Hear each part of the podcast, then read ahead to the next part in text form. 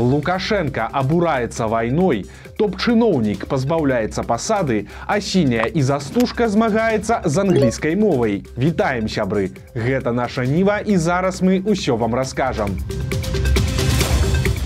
Лукашэнкаўскі топ-чыноўнік страціць сваю пасаду. 61гадовага ігора Сергіенку, які чатыры гады працаваў кіраўніком адміністрацыі Лукашэнкі, раптам вылучылі кандыдатам на парламенцкія выбары. Здарылася гэта ў апошні дзень падачы дакументаў. Можна меркаваць, што для аднаго з найбольш уплывовых чыноўнікаў рыхтуюць крэсла спікера ніжняй палаты беларускага парламенту. Імаверна, нікога надзейнага з дзейных кандыдатаў не знайшлося, таму давялося пайсці на раптам раптоўныя ракіроўкі. Сергіенко з пункту гледжання ўлады добрая замена за бранзавеламу Уладзіміру Андрэйчанку. Ён 30 гадоў працаваў у КДБ і з крэсла першага намесніка старшыней камітэта перабраўся ў адміністрацыю Лукашэнкі. На сваёй пасадзе Сергіенко асабліва нічым не адзначыўся і ніякай ініцыятывы не праяўляў. Запомнілася пра яго хіба што гісторыя з два -го года, калі ён хворы на каранавірус быў вымушаны сядзець без маскі на нарадзе ў Лукашэнкі, пасля чаго злёг на апарат штучнай вентыляцыі лёгкіх. У астатнім усё стандартна. Ухваленне вайны, змаганне з лацінкай і ўсім беларускім. Лукашенко абурыўся вайной. Але гэта не тое, пра што вы падумалі. Сёння ён правёў пасяджэнне рады бяспекі, на якой разглядалі праект новай канцэпцыі нацыянальнай бяспекі і ваеннай дактрыны Беларусі. У гэтых дакументах разглядаюцца сучасныя рызыкі, пагрозы і выклікі для дзяржавы. У якасці прыкладу аднаго з такіх Лукашенко прывёў сітуацыю на блізкім усходзе, якой ён моцна абурыўся. Посмотрите, что происходит на Ближнем Востоке. Это страшнейшая гуманитарная катастрофа. Обратите внимание, что угрозы применения ядерного оружия зазвучали практически сразу после эскалации конфликта. И как это обычно бывает, со стороны цивилизованного Запада никаких санкций не последовало. Дежурное заявление, как будто ничего не произошло. У той жа час па выніках нарады міністр абароны Хрэнін заявіў, што асноўны пасыл новай ваеннай дактрыны захавання міралюбнага характару беларускага народу. Мы четко подчеркиваем и говорим в ней, что э, Республика Беларусь ни один народ не рассматривает как своего врага, несмотря на действия их правительства. Вот это вот, можно так сказать, ключевой посыл и действительно вот, дух военной доктрины. У канцэпцыі нацыянальнай бяспекі Беларусі будзе прапісана абарона традыцыйнай сям'і. Гэта апошнім часам лукашэнкаўцаў асабліва хвалюе. Абноўленыя дакументы будуць вынесеныя на зацверджанне усенародным сходам і прадказальна будуць ухваленыя гэтым кішэнным органам. Тым часам беларусаў рыхтуюць да вайны. Цяпер гэта тычыцца не толькі ваяўнічых заяў Александра Лукашэнкі і сілавікоў, але і цывільных спраў. Так, напрыклад, міністэрства адукацыі прыдумала факультатыў ваенны пераклад па англійскай мове для старшакласнікаў. На занятках вучні 10-11 класаў будуць вывучаць структуру і асаблівасці армій заходніх краін, а таксама навучацца перакладаць допыты палонных. Прычына з'яўлення падобных факультатываў у Беларусі зразумелая, але пытанне пытанне адно з якой англамоўнай краінай збіраюцца ў перспектыве ваяваць і якім ветрам можа занесці да беларусі палонных ЗША брытаніі ці якой-небудзь аўстраліі. Іншы прыклад з беларускага дзяржаўнага тэхналагічнага універсітэта. Там сёлета пачнуць навучаць спецыялістаў па праектаванні і эксплуатацыі беспілотнікаў. Рэктор бДТУ заявіў што адкрыццё напрамку звязанае з пашырэннем выкарыстання беспілотных сістэм на транспарце і ў іншых грамадскіх сферах. Але хутчэй за ўсё прычына крыецца ў вайсковых справах. Досвед вайны ва ўкраіне паказаў, наколькі важную ролю граюць дроны. А Беларусь, якая зрабіла стаўку на савецкую і расійскую зброю, моцна адстае. Таму цяпер будуць імпульсіўна даганяць. А на мінскім чыгуначным вакзале пазбавіліся англійскай мовы пры дапамозе сіняй і застужкі. У Беларусі ўжо выкранілі лацінку з паказальнікаў у транспарце, але гэтага лукашэнкаўцам недастаткова. Аказалася, што на табло ў тунелях пад чыгуначнымі пуцямі і на платформах схавалі англійскія словы. Прычым зрабілі гэта максімальна убога старым дзядоўскім метадам пры дапамозе сіняй і застужкі. Ні слова па-англійску на дзясятках экранаў цяпер няма, толькі руская і беларуская беларускай мовы. Прычым у той жа час надпісы по-беларуску утрымліваюць мноства памылак. Напрыклад военнослужачы з адной літарай н ці пакой маці і дзіцяцей з рускай літарай і але з непісьменнасцю ніхто змагацца падобна не збіраецца асабліва калі выхваленне нявудствам стала дзяржаўным трендам Нявестка Лукашэнкі выходзіць з ценю. Падобна, што сямейства Лукашэнак вырашыла адмовіцца ад нягеглага сакрэта, які даўно ўжо ні для каго не сакрэт. Гаворка пра жонку сярэдняга сына Лукашэнкі Дмітрыя і яе псеўданім Ганна Сялук.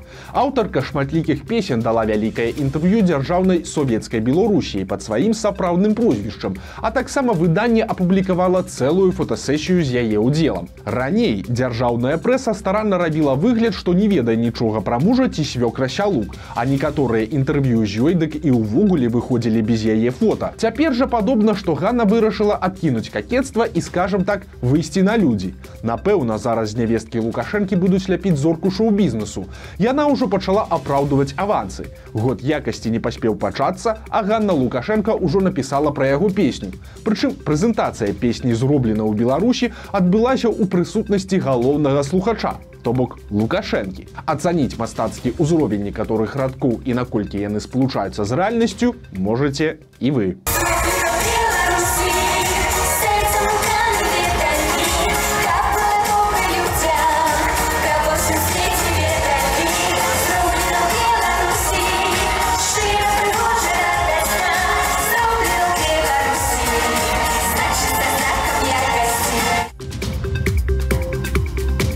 Што вядома пра жанчыну, за якую заступіўся Лукашенко. У мінулы чацвер на нарадзе па амністыі Іван Кубракоў згадаў жыхарку бабруйскай кацярыну Тарасенко, якая забіла мужа ў п'янай сварцы. Міністр прапанаваў скінуць ёй год па амністыі, але Лукашенко абурыўся, маўляў, а чаму жанчыну увогуле кінулі за краты. Мы пацікавіліся падрабязнасцямі яе гісторыі і вось што высветлілі. Кацярыне Тарасенко 34 гады.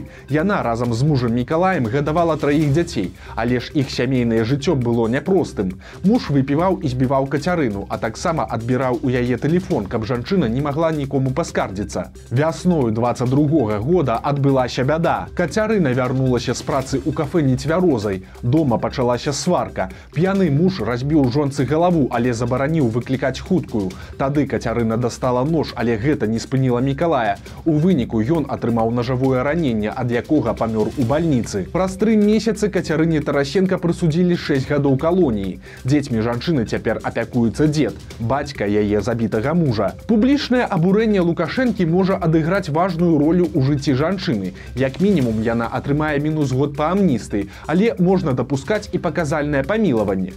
У такім разе кей старасенко будзе ўплываць на суддзяў якія выносяць прысуды жанчынам што забілі сваіх мужоў агрэсараў вось толькі тут ёсць такі момант. Тая няшчасная жанчына цярпела збіццё і не звярталася ў мілі міліцыю, бо баялася, што ў яе адбяруць дзяцей, а больш ёй разлічваць не было на што. І віна тут непасрэдна на лукашэнку. Бо яшчэ ў 18 годзе тагачасны міністр унутраных спраў Шуневіч спрабаваў прасунуць закон аб супрадзеянні хатняму гвалту, але ж не выйшла. Супраць выступіў асабіста Лукашенко, які назваў гэта дурасцю, якая прыйшла з захаду і запэўніў, што ў Беларусі такога закона не будзе. Вынік мы бачым. Жанчынам застаецца альбо цярпець, альбо самім бараніцца ад п'яных мужоў і пасля спадзявацца на памілаванне таго ж самага лукашэнкі. У Беларусь прыходзіць канкурэнт мілы і вострава чысціні. Сёлета на беларускі рынок плануе зайсці расійская сетка подружка. Яна амаль 20 гадоў працуе ў рассіі і цяпер налічвае больш за 300 крам. Там прадаюць усё тое, што ёсць у беларускіх сетках, касметыку, бытавую хімію і парфюмерыю. На фоне істотных фінансавых праблем вострава чысціні адбываецца класічны сюжэт. Праз санкцыі цэнавыя абмежаванні і крымінальны ціск на уладальнікаў беларускія сеткі даводзяцца да банкрут выробства. Свежыя прыклады гэта сеткі віталюры буслік. На месца беларускіх крам прыходзяць расійскія, чые магчымасці большыя і каго так лёгка не прыціснеш пры патрэбе. Па выніку беларускі рытэйл захопліваюць гульцы з усходу. У дэпутаты мінгарсавета вылучаецца даносчыца Вольга Бондарова. 42гадовая студэнтка педагагічнага універсітэта ідзе ад камуністычнай партыі, таму ёй не трэба збіраць ніякіх подпісаў у сваю падтрымку. Кандыдаты ў дэпутаты абавязаныя указваць свае ранейшыя судзімасці, таму Бондаравай давядзецца прызнацца ў тым, што яе каралі за кантрабанду цыгарэт у Польшчу. Але шансаў перамагчы ў даносчыцы няма ніякіх, бо па яе акрузе ва ўручы вылучаюцца адразу два больш салідныя кандыдаты. Гэта ідэолог вайсковай часці 3214, а таксама завуч мясцовай гімназіі. А супрацоўнікі амбасады ЗША ў мінску задаліся класічным беларускім пытаннем. Яны вырашылі параўнаць глыбоцкую згушчонку з рагачоўскай. Глядзіце, што атрымалася і напішыце ў каментарах, якому прадукту аддаеце перавагу вы. Rogachevskaya. Yeah. Let's do it. I like it. It's very sweet. And I thought it was going to be more like water because the top layer is. Um, It's not like It's water. clear, and so when you dip your spoon into it, it's very thick. Glubokskaya. Glubokskaya. This one's not as good. I like this one a lot better. uh, the Ragash. Has a weird aftertaste. I think it has a much richer flavor. Uh, Glubokskaya seems very simple, maybe processed. It looks like maybe they have more gold medals, but I don't believe that. But this one would be better in coffee. I am definitely team Rogachevskaya. I like the Glubokskaya. Вось такія навіны аўторка. Подписывайтеся на канал, ставьте лайки альбо дызлайки і выказвайце заўвагі ў каментарах. І канешне, чытайце нашу ніву, глядзіце нашу ніву і любіце Беларусь. Да сустрэчы заўтра.